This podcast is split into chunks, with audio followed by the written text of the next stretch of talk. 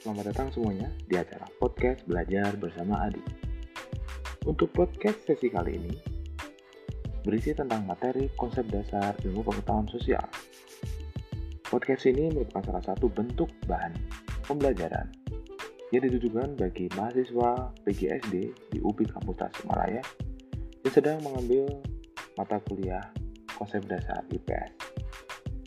Selamat mendengarkan, semoga materi dari podcast ini dapat menjadi salah satu bentuk referensi bagi kalian.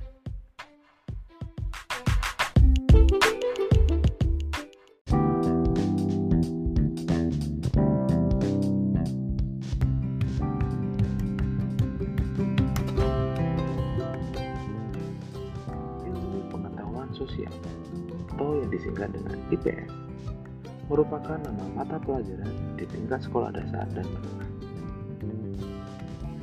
Tahukah kalian, pada tahun 1972 di Tawangmangu, IPS pertama kali digunakan sebagai mata pelajaran dan pertama kali setelah tahun 1975 masuk sebagai bagian dari kurikulum persekolahan Indonesia.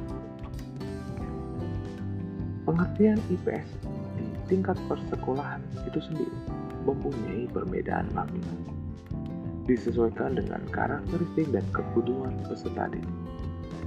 Itu sebabnya IPS di sekolah dasar berbeda dengan IPS di SMP dan SMA. Karakteristik IPS di SD lebih holistik atau menyeluruh. Sedangkan IPS di SMP dan SMA disusun atau diorganisasikan secara parsial. Itu sebabnya IPS di SMP dan SMA terbagi-bagi menjadi beberapa bidang kajian.